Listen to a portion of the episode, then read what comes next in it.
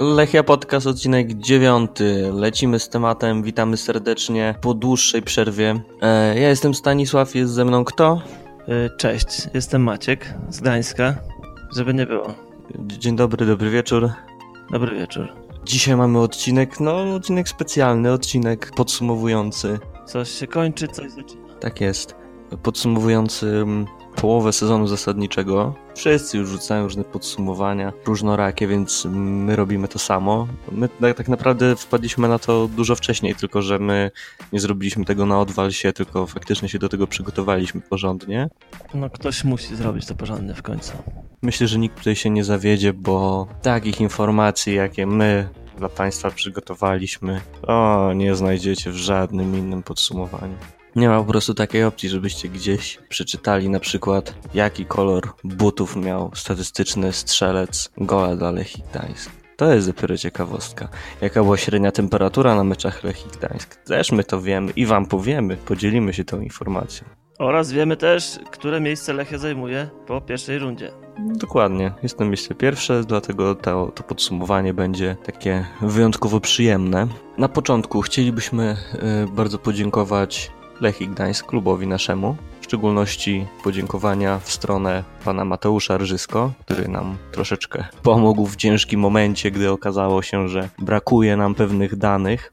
Dziękujemy także e, Ekstraklasie za przygotowywanie e, raportów. E, nie zawsze dokładnych, nie zawsze pełnych, ale mimo wszystko bardzo, bardzo jest to fajne i, i wiele rzeczy można z tego wyczytać. Co prawda jeszcze odpowiadanie na maile, na Facebooku, informacje czy na Twitterze to jeszcze nie jest może opanowane do końca, no ale to każdy się uczy, więc jakby wydaje mi się, że jeszcze jest, jest potencjał du duży do tego, żeby nadrobić to, ale za raporty dziękujemy.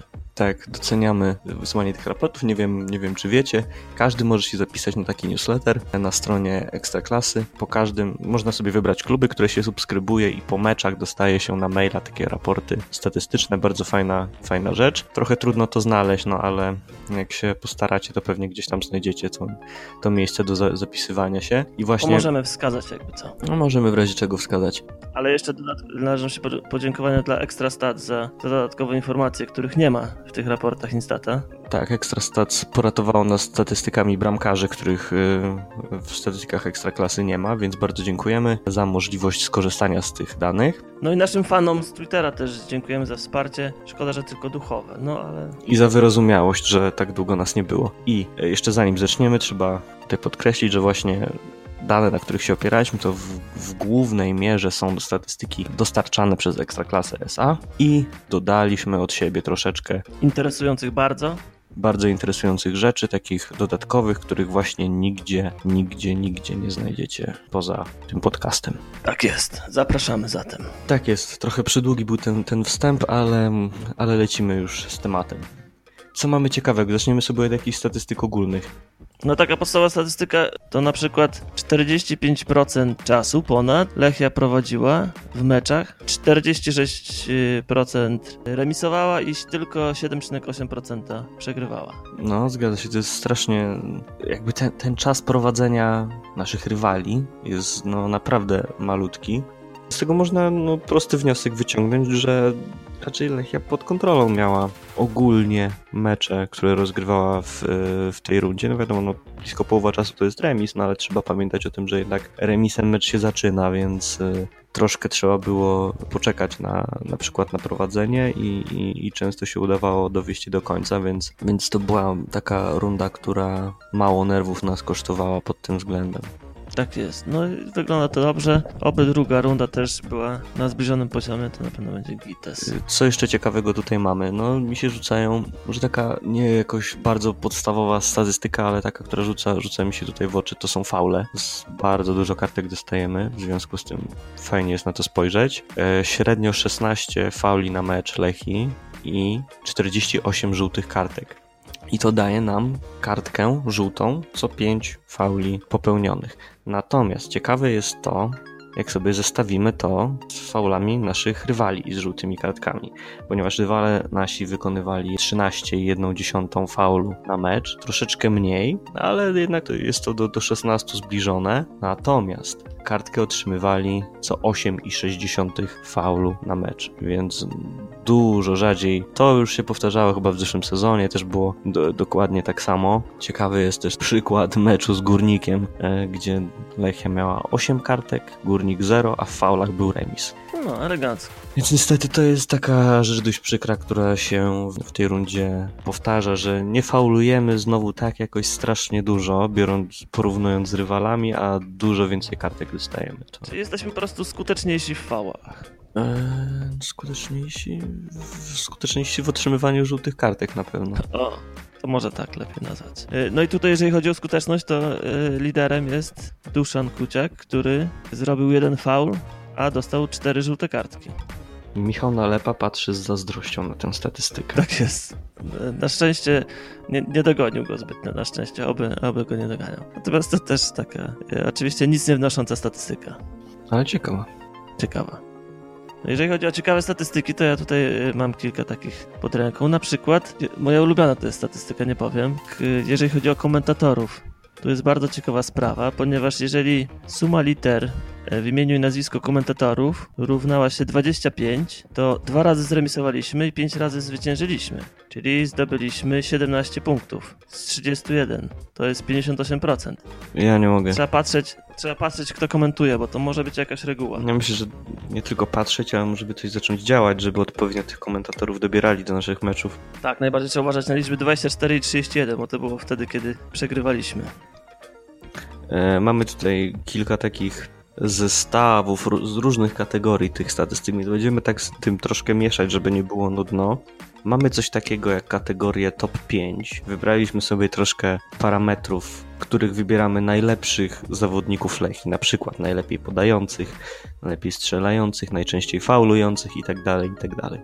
Więc zaczniemy sobie, wybierzemy sobie może z wody. Piątkę najlepszych dryblujących Lechii Gdańsk. Na pierwszym miejscu żadnego zaskoczenia nie będzie, czyli Łukasz Haraslin. Na drugim miejscu Flavio Pajszą, Filip Mladenowicz trzeci, Patryk Lipski czwarty i piąty Jarosław Kubicki. I jak to dokładnie w liczbach wygląda? Lukasz Haraslin 50 udanych dryblingów w tej rundzie, w tych 15 meczach. I tu jest bardzo duża przepaść, jeśli chodzi o, o, różnicę między kolejnymi ko, Haraslinem a kolejnymi zawodnikami. Flavio Pajszą 26, prawie że połowa mniej. Mladenowicz 22, Lipski 17 i 16 Jarosław Kubicki. I może ty mi powiesz teraz, jak to wygląda procentowo, kto z tej piątki miał naj, naj, największą skuteczność dryblingów. No więc sprawa jest pra praktycznie odwrotnie do tej kolejności, którą podałeś. Najbardziej skuteczny był Jarosław Kubicki, prawie 70% skuteczności. Następnie Patryk Lipski 65%, Filip Mladenowicz 47%, Flavio 41% i troszeczkę ponad 50% Lukas Haraslin. Tak, zgadza się. No w tej, w tej klasyfikacji powiedzmy liczymy, naj, najważniejsza jest ta liczba udanych dryblingów, bo skuteczność to jest, to jest swoją drogą wiadomo, że na przykład taki, taki skrzydłowy dużo częściej drybluje e, w zupełnie innych sytuacjach niż środkowy pomocnik, więc e, tutaj by trzeba było troszkę obszerniej, na, bardziej, bardziej obszernie na to, na to spojrzeć. W każdym razie, jeśli chodzi o liczbę udanych dryblingów, Łukasz Harasin jest niekwestionowanym zwycięzcą tej kategorii. Tutaj jeszcze całkiem nieźle procentowo wygląda Mateusz Lewandowski, którego pominąłeś w zestawieniu, gdyż ma 40% udanych zwodów. No z tej piątki byłby szósty. No, na 5 udało mu się dwa razy. Fantastyczny wynik. Właśnie, skoro zacząłeś o, o Lewandowskim, no mieliśmy od kogoś na Twitterze pojawiła się prośba, żeby spojrzeć troszkę bardziej szczegółowo na grę Mateusza Lewandowskiego. Coś słyszałem, że przyjrzałeś się jego statystykom. Czegoś tam ciekawego się doszukałeś. No jest tutaj kilka takich statystyk, których, o których warto wspomnieć. Pojawił się dwa razy na boisku, w sumie 121 minut. Raz w wygranym meczu z Górnikiem Zabrze 2-0. Drugi raz w zremisowanym z Zagłębiem Lubin 3-3. No i tu od razu... Czyli nie przegraliśmy. Nie przegrała meczu Lechia, jeśli lewy był w składzie, a do tego strzeliła 5 bramek, czyli średnio 2,5 na mecz. Fantastycznie. Oprócz tego ma średnią pół kartki na mecz, czyli sto, co 121 minut żółta kartka, jeden faul średnio na mecz, y, co 60,5 minuty. To nie jest taki zły wynik w sumie. Pół razy jest średnio faulowany w meczu. No i tu jest bardzo ważna sprawa. Tutaj można to porównać na przykład do Flavio. Ani razu nie był na spalonym. Wow. Flavio był je, 11 razy. Ja nie mogę, czyli ja bym to chciał nawet policzyć, ale, ale to się nie da, bo tam jest zero. Fatal error wychodzi, próba. Tak, i nie da się policzyć, ile razy Lewandowski jest lepszy od Flavio. Aż tak, aż tak lepszy jest. I, I tutaj w jednym z meczów miał 14 celnych na 15 podań i 0 straconych piłek. A dodatkowo 9380 dni temu y, został urodzony. y, jeszcze jeżeli chodzi o inne jeszcze statystyki, ma 0 czerwonych kartek, to jest ma najmniej w klubie. Dwa z wody, to już o tym wspominałem. Jak grał lewy, to na stadionie temperatura średnia wynosiła 21 stopni, To cieplej niż, no, niż normalnie, nie? Niż... no w ogóle teraz Kurczę. jest zero na przykład, nie? No bo nie No. gra lewy i to jest, to jest ja nie, nie, nie rozumiem dlaczego, ty... no nie, mam nadzieję, że trener Stokowiec posłucha trochę i, Jakby teraz i tak mu zagrać chociaż na chwilę, Usiadł do konsoli, odpalił FIFA, to by się zrobiło lato znowu, nie? No. Ciśnienie 1012 hektopaskali, wiatr 24,375 km na godzinę południowo-wschodnie. Opady 1,5 mm. To tak jeżeli chodzi o, o lewego statystyki. Fantastyczne, naprawdę. Li, liczymy na więcej tych minut, żeby też ta temperatura może wtedy podskoczy i Tak, już tak, e, tak uzupełniając, e, jeżeli ktoś się oburzy, że, że, że mało informacji o Lewandowskim, takich, przepraszam cię Maćku, merytorycznych, to no sorry, ale jak zawodnik gra, ile 121 minut, tak? 121 minut rozegrał w całym sezonie, no to sorry, ale troszeczkę ciężko jest merytorycznie ocenić takiego zawodnika i porównać chociażby z zawodnikami na jego pozycji, z takim Mladenowiciem, który pewnie z minut ma z 1200 czy 1300 rozegranych, więc no no trener Stokowiec ewidentnie oszczędza go. jasne Lewandowski nie, nie zachwycał, ale garść ciekawostek dostaliście o Tak Mateuszu. Tak jest. Y, możemy przejść do y, następnego zawodnika. Czy masz jakiegoś ciekawego tak bardzo jak Aha, żeby jeszcze zanalizować y, ten, no, mieliśmy prośbę o Borysiuka. No to O. akurat dostaliśmy też nie za wiele było tych minut? 155 minut rozegrał Rail Borysiuk, też niewiele. Statystyki, które tutaj wykręcił, nie są powalające. Tutaj ze względu na to, że tych minut jest mało, to przytoczę skuteczność jego zagrań oraz takie średnie w przeliczeniu na 90 minut gry, żeby jakoś się tam odnieść do, do ogółu.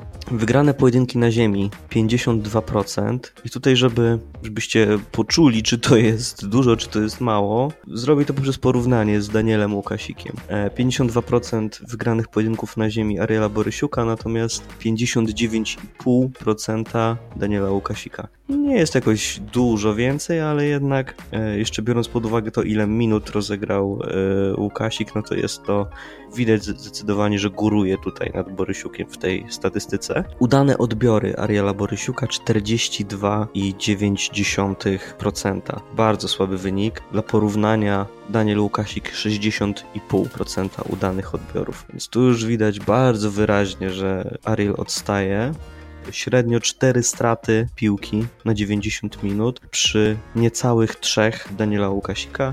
Nabycie piłki 4,65 setnych, a w przypadku Łukasika 7,2. Nabycie piłki, czyli powiedzmy przejęcie piłki jakiejś wolnej, nie, nie w pojedynku z rywalem, tylko jakiejś takiej bezpańskiej piłki, czy gdzieś wybitej, więc też w tym parametrze dużo lepiej wypada Daniel Łukasik. Trzeba jeszcze raz podkreślić, że dodatkowym w tym porównaniu e, atutem Łukasika jest to, że rozegrał nieporównywalnie więcej minut, a e, no wiadomo, że przez dłuższy czas cięż, ciężej jest trzymać dobry poziom, więc niestety Ariel e, nie ma co się dziwić, że mało szans dostaje od Stokowca, bo te, te szanse dostawał szczególnie na, chyba więcej na początku sezonu dostawał i po prostu ich nie wykorzystał. Nic dziwnego, że teraz zaczyna wchodzić powoli Makowski, bo po prostu zawiódł się trener Stokowiec na Ariela. Wielu. No to też nie jest ta, ta sama pozycja, ale tu jakby wyniki są bardzo zbliżone do, do Lewandowskiego bardziej właśnie, bo jeżeli chodzi o ilościowe odbiory, to też jest 7 do 7, udanych odbiorów też 3 do 7, więc to są niestety liczby niezbyt porywające. Apetyt większy jest chyba niż na takim zawodniku. No na pewno, szczególnie pamiętając y, występy Borysiuka za trenera Nowaka na przykład. Na nim się właściwie opierała nasza gra w środku pola, szczególnie defensywa w środku pola. Dlatego teraz jesteśmy tak zawiedzeni. No tak, ale jeszcze du du dużo meczów przed nami. To ja teraz poproszę jakąś ciekawostkę od ciebie. No dobra, to już sięgam do mojego e, zbioru ciekawostek. No dobra, no to jest, jest ciekawostka. Coś y, mówiłem o pogodzie przy okazji Mateusza Lewandowskiego. Natomiast tu trzeba uważać też bardzo na wiatr, jak jest na stadionie, bo w obu meczach, w których przegraliśmy, był północno-zachodni. Okej. Okay. A jak wygrywaliśmy, to jaki był najczęściej wiatr? Zachodni. Blisko, ale jednak, no to samo mówi też. No, z zachodu jak wieje, to, to na pewno lepiej grają. Kurczę, bo to od Szczecina wieje, to jak z tą pogonią w końcu jest z tym wiatrem? Nie może to chodzi o bardziej, bardziej zachód. Jakiś dziki bardziej zachód. Okej, okay, no może tak być. No dobra, jeżeli chodzi o bramki, to na przykład najczęściej oczywiście prawa noga, 16 razy. 16 razy bramki z prawej nogi były, były strzelane spośród 24. Tak. 24, bo nie liczymy jednego samobuja. Właśnie tutaj, e, przepraszam, że ci przerwę, bo zapomnieliśmy o jednej rzeczy dodać, o jednej rzeczy wspomnieć. To jest właśnie ciekawostka, którą chciałem powiedzieć. Ona jest bardzo ciekawa, jak to ciekawostka, gdyż bramka samobójcza, która mhm. była strzelona przez pana Bochniewicza. Tak. Dobrze? Pamiętam nazwisko tym razem. Y, to była jedyna bramka Lechi, bądź też nie Lechi, jak, zależy na to, jak na to patrzeć, która była zdobyta w minucie, która jest y, liczbą pierwszą. Fantastyczne. No i to i myślę, że ten gościu... Czy liczby pierwsze są silnie skorelowane z y, samobójami? Samobójami Bochniewicza. Musimy odgrzebać wszystkie samobóje Bochniewicza w historii. Jeszcze się okaże, że wszystkie były w minutach, które są liczbami pierwszymi. Gość jest niesamowity, nie? E, właśnie, mamy w statystykach, bram, ta bramka jest uznana Bochniewiczowi jako samobój. Ekstraklasa oficjalnie uznała, że, że to był gol, gol filii, ale ona nie leciała niestety. Nie leciała w światło bramki, to niesłusznie. No ale powiedzmy, że oficjalnie tak jest. Nasze statystyki bramek, asyst i, i, i tak dalej, tych wszystkich parametrów są na, na bazie tych statystyk dostarczanych przez Ekstraklasę, które z kolei generuje Instat. I właśnie system Instat zakwalifikował tę bramkę jako bramkę samobójczą. Dlatego też u nas Fila ma 0 bramek, a ta bramka na 1-0 z Górnikiem była bramką samobójczą. Jeśli chodzi o jeszcze takie bardzo ważne statystyki, to na przykład 11 razy Lechia strzeliła bramkę, mając y, zawodnik miał białe buty na sobie.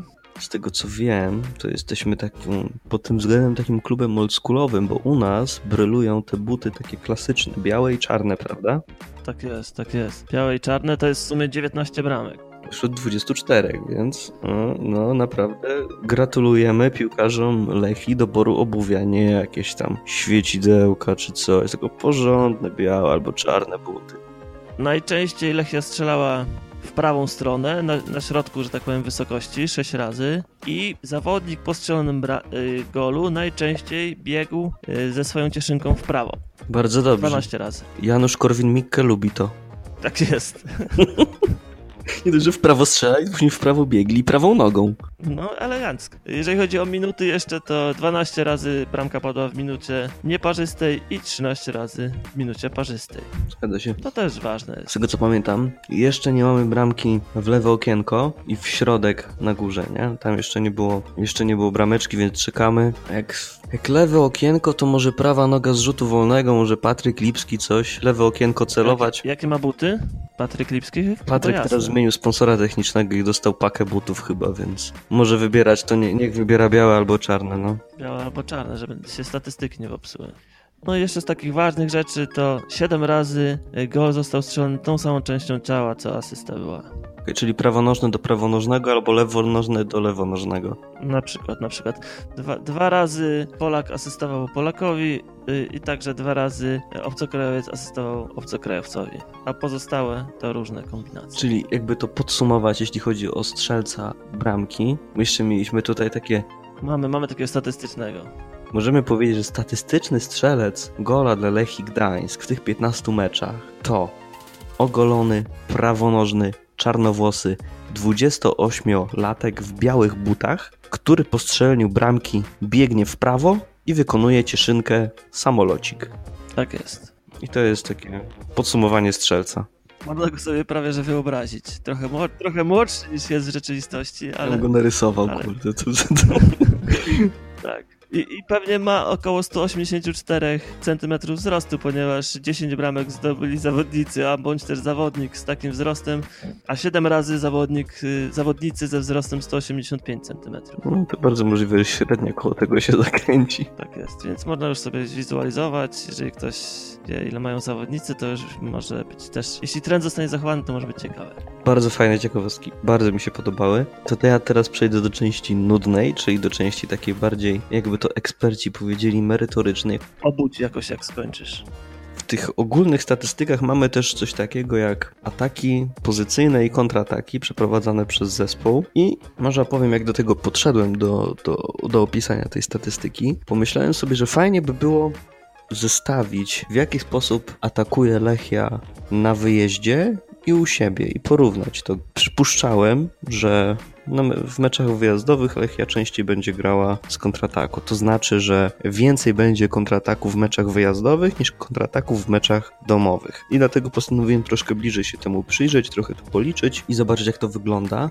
Ogólny zarys e, tego rozkładu ataków przeprowadzonych przez Lechię Gdańsk jest taki, że w 81% przypadków są to ataki pozycyjne, natomiast w 19% kontrataki. Jest to, można było tak powiedzmy strzelać sobie nawet, że mniej więcej tak to się rozkłada. Zazwyczaj prowadzimy grę, kontrujemy rzadko, raczej drużyny grające przeciwko nam się cofają i same czekają na kontry, dlatego e, u nas przewaga tych ataków pozycyjnych jest bardzo wyraźna.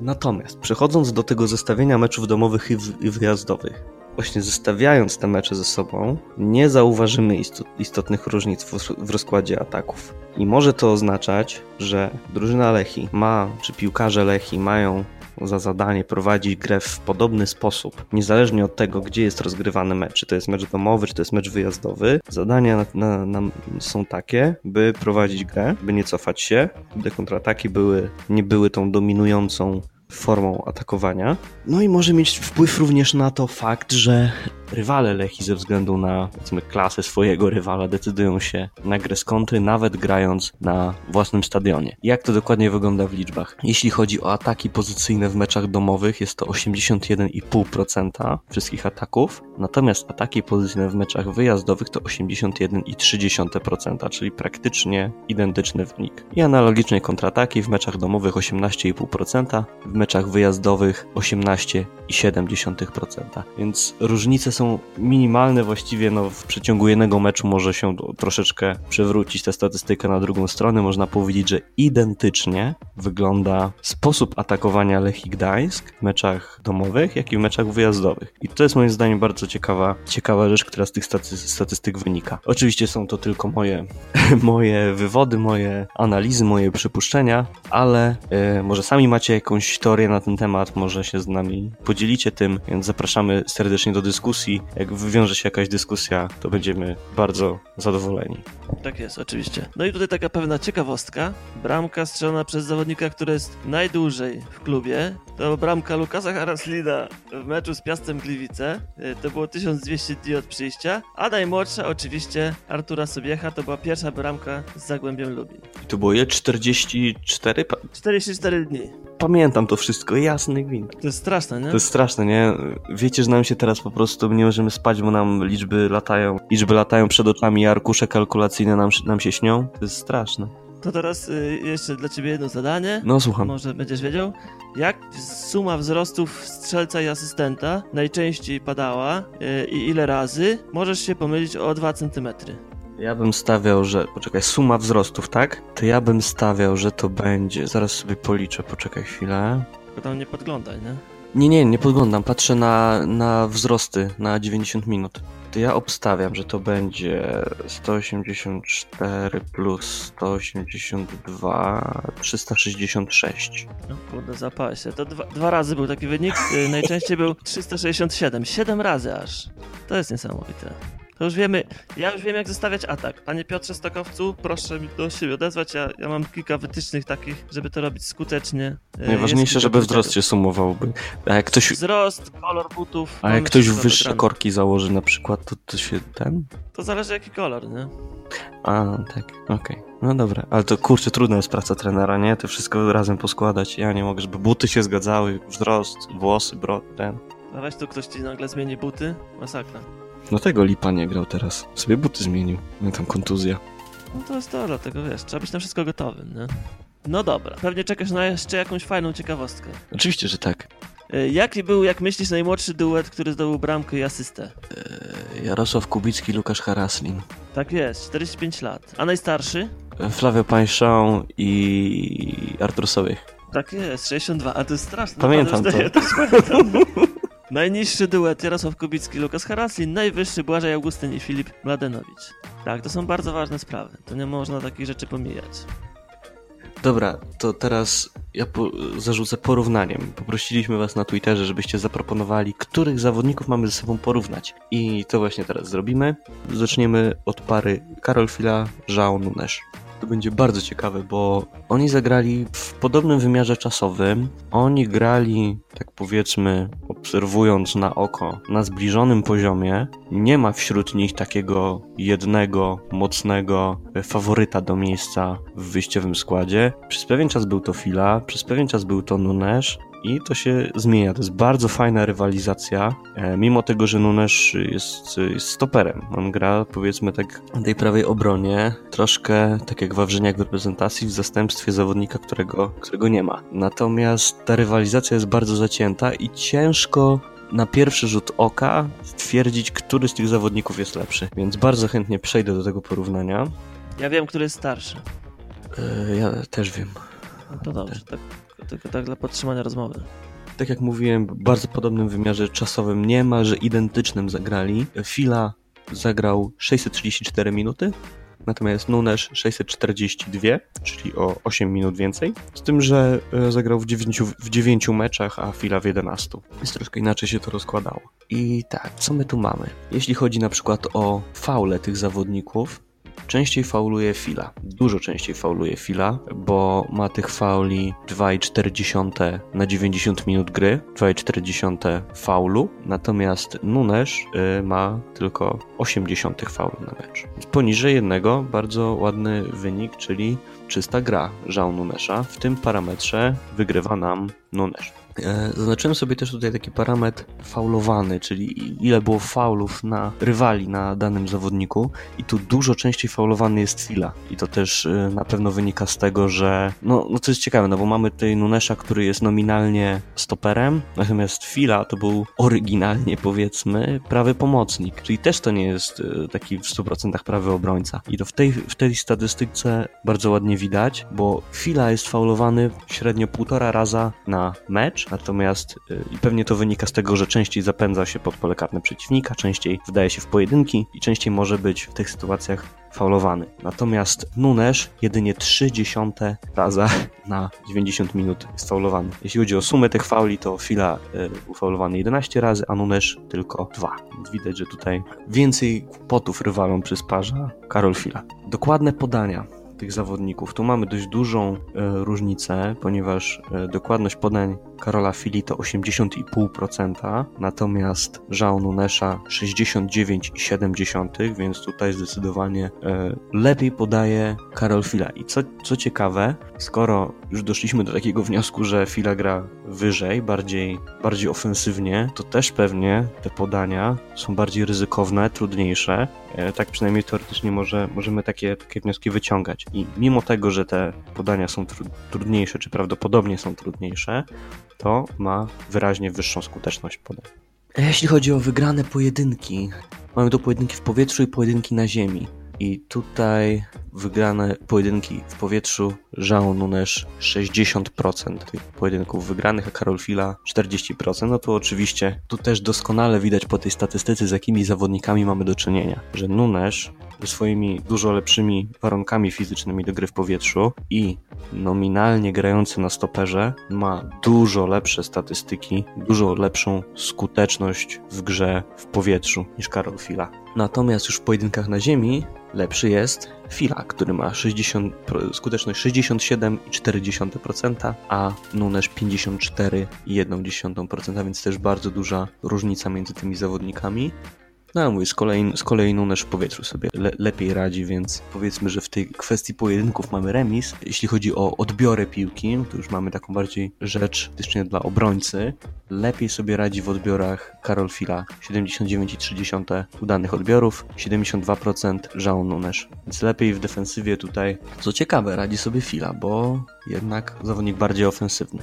Natomiast nabycia piłki, czyli te piłki, strat- piłki e, jakieś tam zgubione, bezpańskie, częściej przyjmuje Nunes. Jest to ponad 7 e, takich piłek na mecz. Nieco ponad 5 ma Karol Fila. Więc no, nadal jest to, nadal jest to pojedynek taki dość wyrównany. Natomiast biorąc jakby rzeczy, które są bardziej kluczowe dla, dla prawego obrońcy, trochę chyba bardziej Fila mi ale zapomniałeś jeszcze o kilku kwestiach, takich jak asysty drugiego stopnia. A tak jest. Y, fila dwie, Nunes jedną. To i tak jest niezły. Zgadza się. No, no, jak, na, jak na tą no pozycję. w tych y, jednak te ofensywne walory, szczególnie przy grze Lechi, przy takiej grze, jaką Lechia preferuje, czyli ofensywnie gramy skrzydłami, e, to jednak te walory Fili zdają się być przeważające. Nieznacznie, bo oczywiście te, te parametry, w których Nunes jest lepszy, również nie są, nie są bez znaczenia. Ale to też jakby odzwierciedla średni instat, który tutaj jest y, z, nie, z niewielką przewagą. Dla Fili. Dla Fili, tak. 249 do 246. Bardzo małe różnice, naprawdę. I, i to, nie, to jakby to Ja nie znam dokładnie metodologii tego liczenia tego z indeksu, Wiesz ale... co, ten algorytm nie jest upubliczniony. Oni mają to jakoś tam... Oni sami wiedzą, co oni tam wrzucają do tego algorytmu, więc nie wiadomo dokładnie, jak ten indeks jest. Tak, czy coś, coś tam pokazuje, że... że coś, tam, coś tam pokazuje, natomiast no, no faktycznie ciężko było ciężko jednoznacznie określić, który jest lepszy. Ciężko też oglądając mecz stwierdzić, który powinien grać, czy który tutaj bardziej się przyda. Natomiast po poszczególnych parametrach można się zorientować, bo tutaj różnice już są widoczne, który jest lepszy w jakim parametrze i to też pewnie można przystosowywać do, do konkretnego rywala, bo jeśli wiemy, że na przykład gramy z rywalem, który ma wysoką średnią, średnią wzrostu całej jedenastki i będzie często dośrodkowywał, będą starać się walczyć, wywalczać stałe fragmenty gry i dośrodkowaniami stwarzać zagrożenie pod naszą bramką, to dużo skuteczniejsze na ten, na ten mecz, dużo lepsze może być postawienie na Nunesza ze względu na to, że dużo lepiej radzi sobie w pojedynkach w powietrzu. Więc myślę, że to zależy też od konkre konkretnego rywala. Jest wyższy 8 cm, to nie dawało. Wydawało mi się, że fila jest wyższa. Naprawdę? No? Czy naprawdę, czy się tak wydawało? Nie, nie, no jest, jest wyższy, jak najbardziej jest wyższy Nunes. Fajnie, że mamy tutaj taką, taką zdrową rywalizację, obaj, e, obaj grają, obaj pisują się dobrze, więc oby tak dalej. No elegancko. I czas na ciekawostkę. Tak jest, proszę bardzo. E, najczęściej w akcji bramkowej brał udział jeden zawodnik, bo to aż dziesięciokrotnie się zdarzyło. Indywidualiści sami. Sami indywidualiści. Nie, no dobitki karne to już jakieś tam wychodzi. A, a co ciekawe, na drugim miejscu jest czterech zawodników. Osiem razy się taka sytuacja powtórzy. Tutaj trzeba by było właśnie wykluczyć te, te, rzuty karne i tak dalej, no bo rzuty karne to już jest cztery, tak? Cztery wykorzystane rzuty karne. Więc jak sobie to, takie rzeczy wykluczymy, no to faktycznie weźmiemy same ataki pozycyjne pod, pod uwagę, no to yy, mówisz czterech, tak? Yy, czterech zawodników osiem mhm. razy najczęściej było. Mhm. No, no to tak przyzwoicie myślę, że to już jest jakaś akcja, nie? I, I, najczęściej oprócz zero podań w akcji bramkowej e, oczywiście padały trzy podania, czyli każdy z nich dotknął raz piłkę i, i, była, i była bramka. Mhm. To tak w ramach przerywnika. Dobra, to ja może sobie wrócę do tych statystyk ogólnych. Gdzieś tam się już przewinął temat Polaków, obcokrajowców. To ja zaznaczę, że średnia liczba Polaków w wyjściowym składzie w tym sezonie w Lechii Gdańsk to 6,5. 6,5 Polaka. Czyli ktoś nie, ktoś nie jest prawdziwym Polakiem. Przyznać się kto. Kto jest pół Polakiem?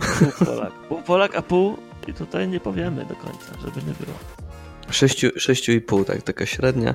Generalnie najmniejsza liczba Polaków w wyjściowym składzie to 6, największa to 8, więc tutaj nie było rozstrzału. Chyba tylko raz było ośmiu, z tego co pamiętam, Polaków w wyjściowym składzie. To było w meczu z Zagłębiem Lubin. Grał Lewandowski za Mladenowicza, dlatego była e, większa liczba Polaków w wyjściowym składzie. A tak widać, że ten skład jest po prostu jakoś tam ustabilizowany. I dalej idąc tropem wyjściowego składu, średnia wieku wyjściowego składu Lechii Gdańsk 26 lat. Czyli młodzi, perspektywiczni. Generalnie tak, no tyle co ja, to chyba. Tak, ja mam 26, czekaj. Który mam rok? Tak, tak, ja mam 26 jeszcze. No to tyle co ja, czyli młodzi. Natomiast średnia w wieku strzelca bramki to już 28 lat. Więc młodzi mogą grać, ale jak już trzeba strzelać bramki, to trzeba kogoś trochę. podaj starszemu. Tak, Kuba. tak, trzeba. Buby podaj. Co, ja wrócę do top 5, bo ruszyliśmy troszeczkę i zostawiliśmy top 5. To sobie teraz dwa weźmiemy. Okay. Wylosuj mi liczbę od 1 do 8. Albo dwie liczby od 1 do 8. 1 i 8. 1 i 8, czyli strzały.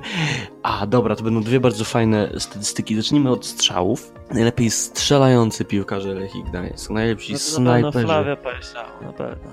Ci, którzy śnią się golkiperom rywali po nocach. Ci, którzy spędzają im sen z powiek. Jak się nie śnią po nocach, to spędzają sen, sen powiek. Zazwyczaj, tylko nie wiem, jak to statystycznie wypada. Tak czy inaczej, strzelcy.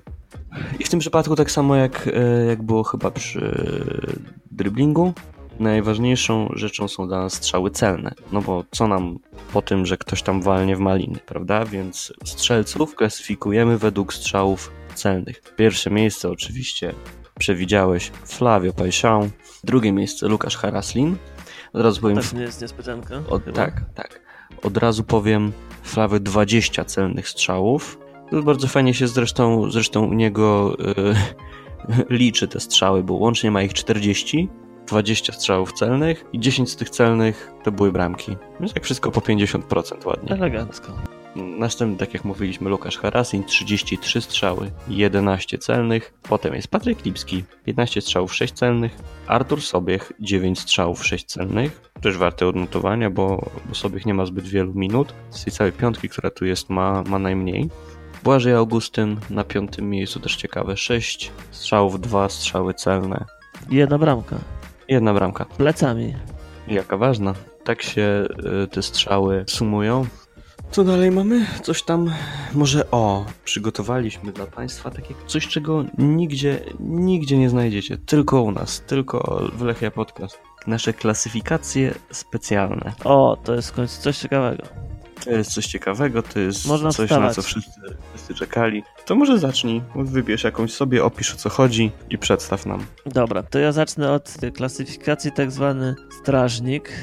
Kto to jest strażnik? Strażnik to jest taka osoba, która ma najwięcej udanych odbiorów na 90 minut gry oraz udanych nabyć piłki, co już tłumaczyłeś, na 90 minut gry średnio. Jest to wszystko znormalizowane, zsumowane i klasyfikacja wygląda następująco. Nie będę podawał współczynników, bo one nic nie mówią. Powiem tylko jaka jest kolejność. Na pierwszym miejscu Daniel Łukasik, Brawo, co jest, wydaje mi się, niespodzianką, przynajmniej dla mnie. Znaczy nie po tym sezonie, bardziej o tym, co było w poprzednim sezonie się działo. W tym sezonie nie jest to jakaś duża niespodzianka. No jest Były odbiory i, odbiory i nabycia, tak? No właśnie, no Daniel powiedzmy grając w środku i to taki, jako taki cofnięty zawodnik, to tych e, piłek, piłek sporo zbiera, natomiast no jego rolą jest to, żeby piłkę odbierać, zanim ona przejdzie już gdzieś tam pod nasze pole karne, więc dobrze, że się wywiązuje odpowiednio ze swojej roli. Dla mnie jego obecność e, na szczycie klasyfikacji strażnik nie jest żadnym zaskoczeniem. Na drugim miejscu Karol Fila. I na trzecim Jean Nunes. I bardzo mała różnica Tak. między nimi, więc to jest to, o czym mówiliśmy. Zbliżenie do mnie. To jest nasza z, z, zacięta rywalizacja między, między dwoma prawymi obrońcami. Widać, że e, również w naszej takiej naszej ogólnej klasyfikacji uwzględniającej wszystkich zawodników plasują się bardzo wysoko. Następnie Błażej Augustyn i zamykający piątkę, też ciekawy zawodnik Michał Nalepa. Tak, i ta rywalizacja tutaj, znowu mamy taką parę rywalizującą ze sobą, czyli Augustyn i Nalepa, parę, która na zbliżonym poziomie gra i też się załapali do tej prestiżowej kategorii. Tak. Tak wygląda klasyfikacja Strażnik w Lechii 2018, pierwsza runda. No to ja polecę następna. Maszyna. Klasyfikacja maszyna polega na tym, że były to zsumowane i znormalizowane wygrane pojedynki na 90 minut oraz dystans przebiegnięty średnio na 90 minut gry. Czyli maszyna prawdziwa, która, która dużo biega i dużo pojedynków I wygrywa. to wygląda teraz tak. Dla mnie to jest zaskoczenie. Jakub Arak na pierwszym miejscu. Dla mnie też. Wow, super.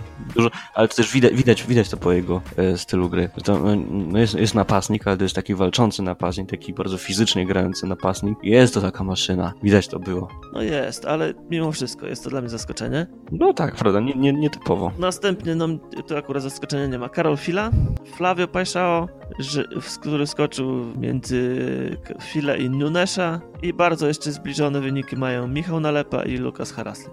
To nam ładnie, ładnie dobraliśmy tę kategorię, bo ci zawodnicy to są tacy, tacy właśnie walczący, tacy dużo pracujący na boisku. I faktycznie y, ku naszemu, naszemu zaskoczeniu Arak wygrywa tę klasyfikację, jest najlepszą maszyną w zespole Lechii Gdańsk.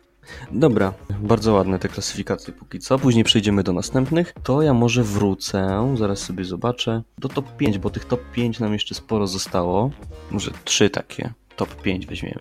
Weźmiemy sobie pojedynki. Pojedynki zarówno w powietrzu, jak i na ziemi. A, wcześniej zapomnieliśmy, miała być jeszcze średnia prędkość. No. Okej, to jeszcze zrobimy średnią prędkość do tego. To jest, dobra, zacznijmy od średniej prędkości, bo to jest znowu coś, czego nigdzie nie znajdziecie. Tylko w Lechia Podcast. Tak jest, tak jest. Nikt nie robił takich obliczeń. Już wyjaśniam o co chodzi. No, no generalnie nazwa e, wszystko zdradza, ale żeby nie było wątpliwości, wzięliśmy sobie wszy wszystkich zawodników Lechii sprawdziliśmy dystans łączny przebiegnięty we wszystkich ich występach oraz liczbę minut, którą łącznie rozegrali i sprawdziliśmy na tej podstawie w jakim tempie, jak szybko pokonywali ten dystans i policzyliśmy taką średnią prędkość poruszania się zawodników po boisku. No i ta klasyfikacja wygląda tak. Top 5. Góruje młodzież. Tomasz Machowski na pierwszym miejscu. 8 km na godzinę, i 8,7 km na godzinę. No to jest z takim zastrzeżeniem, że Tomek chyba zagrał 21 minut, z tego co pamiętam, więc, więc miał, miał łatwiej po prostu, mógł sobie szybciej biegać. Natomiast, żeby było ciekawiej, na drugim miejscu jest gość, który przebiegł łącznie najwięcej. Jest to Jarosław Kubicki, 7,45 km na godzinę. No i jeżeli z taką średnią prędkością się porusza przez ten cały czas, który jest na boisku, to nic dziwnego, że wykręca takie liczby w łącznym przebiegniętym dystansie, więc bardzo pozytywnie. Lecimy dalej ze średnią prędkością. E, Na trzecim miejscu Mateusz Sopoćko 7,37 km na godzinę. Na czwartym, me- na czwartym miejscu Patryk Lipski 7,17 i na piątym miejscu Michał Mak 7,05. Tak to się kształtuje. No i teraz pytanie, czy lepiej głupio biegać, czy mądrze stać? Eee, ja wolę głupio stać na przykład. Można głupio stać? Eee, nie wiem właśnie. Ja na przykład, ja, ja, ja mądrze stoję, bo moja średnia prędkość to jest 0 km na godzinę jak biegam. Dobra, lecimy, lecimy dalej z top 5, bo mieliśmy jeszcze zrobić pojedynki. Pojedynki powietrzne i pojedynki na ziemi. E, już sobie sprawdzam, jak to się kształtuje. Pojedynki w powietrzu. Najlepszy jest Michał Nalepa, 60 wygranych pojedynków w powietrzu. Na drugim miejscu Błażej Augustyn, 59, tuż za plecami. Trzeba przy tym zaznaczyć, że Błażej jest dużo bardziej skuteczny w tych pojedynkach. Jak już skaczę, to nie bez sensu. Tak jest, bo ma skuteczność 70, ponad 75%. Najwyższą z wszystkich. Natomiast Michał Nalepa w tych pojedynkach powietrznych tylko 65% e, skuteczności. No to też nie jest takie tylko wcale. No, nie? no, no, że i nie jest, no ale powiedzmy w naszych kryteriach tak to się, e, tak to się ułożyło. Na trzecim miejscu Flavio Paixão 48 pojedynków, pojedynków główkowych powietrznych wygranych przy 156 wszystkich I, I to jest tylko 30%. tak, no ale on ma wyjątkowo trudne zadanie, bo jednak e, zazwyczaj ze stoperem skacze do główki, czyli z tym i to pewnie jeszcze w ten sposób stoperzy wychodzą do tych główek, żeby e, wychodził ten, który gra najlepiej, ten najwyższy, więc Flavio ma wyjątkowo trudne zadanie przy pojedynkach i stąd ta, ta jego niska skuteczność. A że gra na takiej pozycji, na jakiej gra, to często, przy, często się znajduje w tych sytuacjach, w których musi walczyć o górną piłkę. Dalej mamy Filipa Mladenowicza, 28 wygranych pojedynków w powietrzu i na piątym miejscu Żał Nunes, 27. Pojedynki na ziemi. I tutaj, no, pierwsze miejsce nie jest żadnym zaskoczeniem, bo wygrywa Łukasz Haraslin, 98 wygranych pojedynków na ziemi, e, 92 Flavio Paixão 88 Filip Mladenowicz i tyle samo. A właśnie, tutaj mamy mm, mały błąd. Najpierw powinien być Daniel Łukasik. Powinien być Daniel Łukasik, bo ma tyle samo e, pojedynków na ziemi, co Filip Mladenowicz, ale ma lepszą skuteczność, więc na trzecim miejscu Łukasik, na czwartym Mladenowicz i na piątym miejscu Michał Nalepa, 70 wygranych pojedynków na ziemi. Jestem ciekaw, ile najwięcej Haraslin miał e, wygranych pojedynków na ziemi w jednej akcji.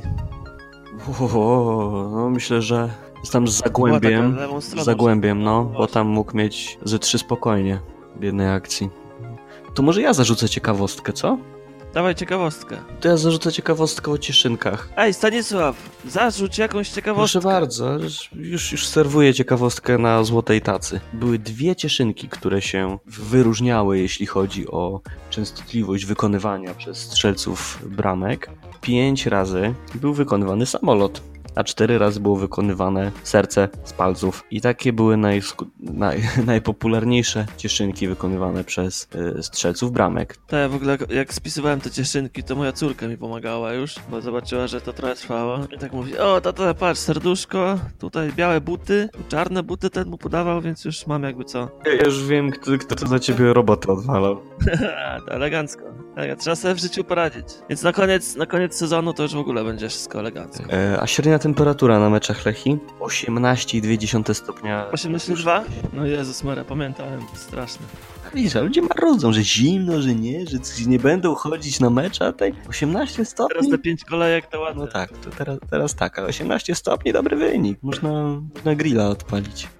Okej, to ja już, już może z ciekawostkami przyhamuję troszkę i lecimy z następnym porównaniem. To mamy Arak kontra Sobiech. To jest dopiero pojedynek tytanów. To jest to, na co czeka publika. Do tego na koniec zostawiliśmy. Jeśli chodzi o ich czas gry, to nie, nie ma dużej różnicy, bo Arak, wystąp... Arak rozegrał 400 minut, natomiast Sobiech 457. Chętnie sobie przy tym porównaniu zajrzę do naszej klasyfikacji kanadyjskiej, którą ułożyliśmy. Tutaj trzeba, muszę wyjaśnić, w jaki sposób ustaliliśmy zasady tej klasyfikacji kanadyjskiej. Mamy tutaj bramki i asysty, które są właśnie z raportów wygenerowanych przez Instata, powiedzmy przydzielone do poszczególnych zawodników i dodawaliśmy do tych e, statystyk instatowych asysty drugiego stopnia, tak to tak zbiorczo nazwaliśmy. Są to, jest to na przykład udział, udzi- udział w akcji bramkowej, czyli podanie poprzedzające asystę. Jest to przy samobuju, który był, jest to dogranie na tego gola samobójczego i jest to również wywalczenie rzutu karnego, na przykład faul na zawodniku, jeżeli e, na przykład taki Haraslin był faulowany i Flavio zdobył bramkę, to Flavio ma przy tym golu wpisaną bramkę, natomiast Haraslin asystę drugiego stopnia, ponieważ e, wywalczone rzuty karne nie są w instacie e, zapisywane jako asyst. No i, i to chyba by było tyle, jeśli chodzi o to wyjaśnienie naszej klasyfikacji kanadyjskiej. Oczywiście to wszystko się e, sumuje, bramki, asysty, asysty drugiego stopnia i skoro jesteśmy przy Araku i Sobiechu, to oni tutaj są web w web. Arak 5 punktów w klasyfikacji Kanady, e, kanadyjskiej, natomiast Sobiech 4. Jak to dokładnie się kształtuje?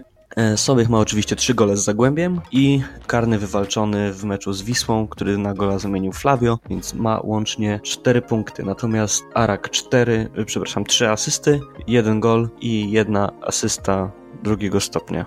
No pięknie to wygląda. Więc idą, idą web w web pod tym względem, więc tutaj jakby takiego jednoznacznego rozstrzygnięcia nie mamy.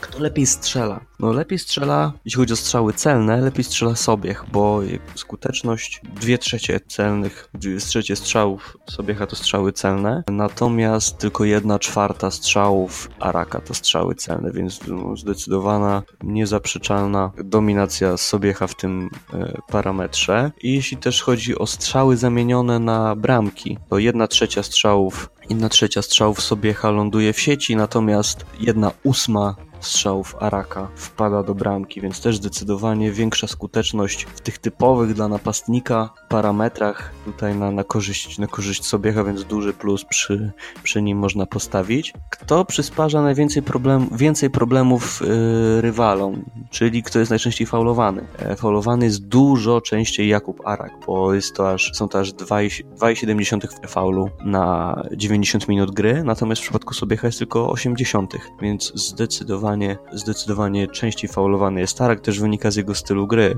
że on często ustawia się tyłem do obrońcy, walczy, walczy o jakieś tam długie, górne piłki i często w tych sytuacjach jest, jest faulowany. Sobie dużo rzadziej w takich sytuacjach się znajduje. Dokładne podania, kto dokładnie podaje? Trochę dokładnie podaje Artur Sobych, 74% dokładnych podań, natomiast Jakub Arak 71%. Wygrane pojedynki. Jak to wygląda w powietrzu i na ziemi? W powietrzu jest lepszy, można się było tego domyślić, e, Jakub Arak 58%, natomiast tylko 42% wygranych pojedynków w powietrzu Artura Sobiecha. I co ciekawe, na ziemi również jest lepszy Jakub Arak. 41%, 41,4, jest 30,7 wygranych pojedynków na ziemi Artura Sobiecha. Też duża przywaga Jakuba Araka, więc tutaj z kolei w pojedynkach, w pojedynkach Arak jest lepszy. Warto to podkreślić. Kto częściej traci piłkę? Częściej traci piłkę Jakub Arak. Średnio 11 strat piłki na 90 minut, a w przypadku Artura Sobiecha jest to 8. Więc no mamy tutaj zawodników no, porównywalnych jakby nie patrzeć, a skoro by, skoro wie, wiemy, że Arak mniej zarabia, O, natomiast no, jeżeli mamy taki, taki wyrównany pojedynek, ja bym tutaj parametry typowe dla napastnika, czyli strzały. Jeśli chodzi o strzały, to dużo lepszy jest, dużo lepszy jest Sobiech i, i chyba jakbym miał wybierać między nimi dwoma, to bym na Sobiecha postawił. Natomiast, no też warto, warto pamiętać, że to wszystko zależy od tego, w jakiej sytuacji będziemy potrzebować tych dwóch zawodników. Czy na przykład, jeżeli, jeżeli mamy grać dwójką napastników e, i Arek ma być tym takim grającym tyłem do bramki, który będzie zgrywał do Flavio, no to będzie się lepiej sprawdzał niż Sobiech. Natomiast jeśli mamy mieć jednego napastnika killera na szpicy, który będzie szukał sytuacji do strzelenia bramki i, i wykańczał to co, to, to, co wpadnie w pole karne, no to z kolei stawiamy na Sobiecha. Więc to zależy od roli, jaką przypiszemy, do jakiej potrzebujemy danego zawodnika. Więc nie ma tutaj jednoznacznego rozstrzygnięcia. Jeśli chodzi o w takiej sytuacji pomocny Instat Index, to Instat Index wskazuje na Artura Sobiecha 248,10, a Jakub Arek 225 i 9. Dobra, klasyfikację kanadyjską jeszcze tak, skoro byliśmy przy niej przed chwilą, to jeszcze przytoczymy w całości, jak to wygląda, bo to jest ten udział przy bramkach to jest ciekawa rzecz. Klasyfikacja kanadyjska na czele oczywiście Flavio, 12 punktów, ponieważ ma 10 bramek, jedną asystę, jedną asystę drugiego stopnia. Na drugim miejscu Łukasz Harasin, punktów 9. Na trzecim miejscu Patryk Lipski, punktów aż 8. Całkiem sporo, bo yy, aż, 3, aż 3 asysty drugiego stopnia zarobił u nas. Dalej Jakub Arak, Jakub Arak, Artur Sobiech, o tym już wspominaliśmy. Jarosław Kubicki 3 punkty.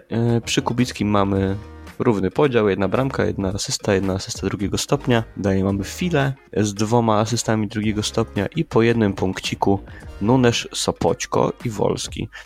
Jeśli chodzi jeszcze tak procentowo udział w golach drużyny, to tą czołówkę podamy, bo to jest, no może pierwsze cztery podamy. Flavio Pajszon, 48% udziału przy wszystkich golach Lechi, 36% Łukasz Harasin, 32% Patryk Lipski, sporo, Jakub Arak 20%. Kurczę, przy co piątym golu Lechi udział ma Jakub Arak, jakby nie patrzeć. Widzisz? Elegancko. No, bardzo ładny wynik. Także to by było na tyle, jeśli chodzi o klasyfikację kanadyjską. Wróćmy jeszcze do klasyfikacji naszej, dodatkowej. Tak jest. Została nam jedna klasyfikacja, maestro i tutaj braliśmy pod uwagę udane podania kluczowe na 90 minut oraz asysty drugiego stopnia właśnie. Też średnia na 90 minut. E, więc tak, e, na pierwszym miejscu Patryk Lipski. Pasuje do maestra. E, drugie miejsce, tutaj myślałem, że akurat on będzie na pierwszym, Lukas Haraslin. Trzecie miejsce Karol Fila. To jest ciekawe, kurczę. I czwarte też jest ciekawe. Jakub Arak, piątego nie przeczytam. Michał Mak, ja ci podpowiem, to jest ciekawe. Maestro Obro- Michał. Coś mi obróciło, DD tutaj. i nie. Y, przypomnij jeszcze, co tutaj było brane pod uwagę? W klasyfikacji maestro braliśmy pod uwagę podania kluczowe na 90 minut oraz asystę drugiego stopnia na 90. Znormalizowane wszystko i dodane do siebie. Okej, no dobra, tak to, się, tak to się kształtuje. No, jeśli chodzi o, o, powiedzmy szczyt tej klasyfikacji, to jak najbardziej Lipski, Haraslin, jak najbardziej wszystko się pod tym kątem zgadza. Czyli dobrze, dobrze te parametry dobraliśmy. Będziemy mieli jeszcze jedną klasyfikację, spe, klasyfikację specjalną dla Was, ale to, to dostaniecie ją trochę później. Dostaniecie ją w takim, może od, może od razu przy okazji o tym powiem. Przygotujemy dla Was raport, jaki raport, podsumowanie, e, coś takiego, takiego PDF-a, którego będzie, będziecie mogli sobie pobrać i sobie przejrzeć. I tam będą te statystyki, o których dzisiaj mówiliśmy, i będzie też troszkę, troszkę rzeczy, których, o których nie wspomnieliśmy. Będzie kilka, będzie więcej porównań. Będzie między innymi porównanie bramkarzy, to będzie ciekawa rzecz, więc warto, warto poczekać jeszcze w ciągu najbliższych kilku dni. Będziecie, e, śledźcie nas e, na Facebooku, śledźcie nas na Twitterze, będziecie poinformowani w jaki sposób będziecie mogli taki raport, podsumowanie sobie pobrać. Tak jest. Czy jeszcze jakieś nam zostały ciekawostki? Ciekawostki, jeszcze nie, że ciekawostki to, jeszcze, to już tam wrzuć, może w tym raporcie jeszcze coś będzie. By, byliśmy jeszcze proszeni o dwa porównania. Tutaj od razu Lipski kontra Wolski, takie porównanie. Wolski trochę mało grał jednak, żeby go porównywać z Lipskim, więc ja tutaj e, zrezygnuję z tego e, porównania i właśnie dlatego, że to takie nie byłoby to miarodajne to po, porównanie, takie wiarygodne. Wolałbym, wolałbym takiego porównania nie robi, właśnie ze względu na to, że, że Wolski i wchodził często z ławki, jak to się mawiało, zadaniowcem był troszkę, więc wolałbym go z Lipskim nie porównywać, natomiast byliśmy jeszcze proszeni o porównanie stoperów. Augustyn kontra Nalepa, bardzo ciekawa rzecz i już sobie przechodzimy do tego, żeby, żeby to zrobić raz, dwa. Augustyn kontra Nalepa, porównanie stoperów Lech i Gdańsk, to też jest taka para, która obaj grają dobrze, ale też na pierwszy rzut oka nie widać, który tutaj lepiej się prezentuje. Troszkę więcej zagrał Nalepa, głównie przez to, że, że Augustyn leczył kontuzję przez jakiś czas. Augustyn 1019 minut, Nalepa 1265 minut na boisku. Jeśli chodzi o faule, no, środkowi obrońcy to faule to jest ważny, ważny parametr, który należy sprawdzić. Średnią na 90 minut fauli mają bardzo podobną, bo to jest około dwóch faulów na 90 minut, zarówno Nalepa, jak i Augustyn. Natomiast tutaj troszkę inne rzeczy wychodzą, jeśli się spojrzy na kartki, w sensie ile fauli jak, jak, to, jak to z tymi kartkami było po, po, po tych faulach, e, bo taki Augustyn dostawał kartkę co 5,5 faulu, natomiast co 3 faule dostawał kartkę Michał Nalepa, więc te faule były, no powiedzmy statystycznie rzecz biorąc, bardziej agresywne i, i jednak faul faulowi nierówny, jak, jak widać. Uważaj Augustyn za to, mógłby tutaj się jeszcze pojawić w statystyce wywalczonych karnych dla przeciwnika też. No tak, właśnie. E, podania. Częściej, właśnie można taki wniosek wysnuć, że częściej wyprowadza piłkę Błażej Augustyn, 50 powiedzmy, że średnio 50 podań na 90 minut, natomiast Michał Nalepa 40, więc to raczej Augustyn jest tym zawodnikiem, który, który, jest, który częściej wprowadza piłkę z defensywy. Jeśli chodzi o dokładność tych podań, to, to odrobinę lepszy jest Michał Nalepa, 85,5% dokładnych podań, natomiast 80, około 82,5% Błażej Augustyn. Wygrane pojedynki mamy dalej. No i tutaj już wyraźna przewaga Błażeja Augustyna się nam okazuje, bo 70, to już o tym wcześniej mówiliśmy, 7, około 75% wygranych pojedynków w powietrzu, natomiast nalepa 65%. Jeśli chodzi o pojedynki na ziemi 70 i 70, 70 i 80, Błażej Augustyn jest 66 i 70 Michał Nalepa, więc znowu mamy przewagę Błażeja Augustyna w tym parametrze, który no dla te pojedynki dla stoperów są istotne. E, udane odbiory. Znowu po, e, ponownie lepszy jest Augustyn 69,2%, natomiast 64,7% Michał Nalepa. Więc kolejny parametr, w którym to Augustyn jest lepszy. I tutaj mamy jeszcze nabycia piłki. Zaznaczyłem sobie od, bardzo podobnie, ale odrobinkę lepszy znowu Błażej Augustyn i o 8,7 tych nabyć piłki na 90 minut gry natomiast Michał Nalepa 8,5.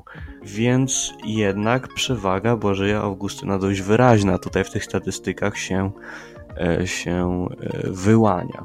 Więc mamy takie porównanie, w którym możemy, myślę, śmiało stwierdzić, że to Błażej Augustyn był tym liderującym defensorem, stoperem Lechi w tych pierwszych 15 kolejkach. I wrócimy sobie jeszcze na chwilkę do top 5 i już skończymy na tym może najlepsi podający, więcej biegający, czyli mm, z największym dystansem przebiegniętym. Zacznijmy od podających.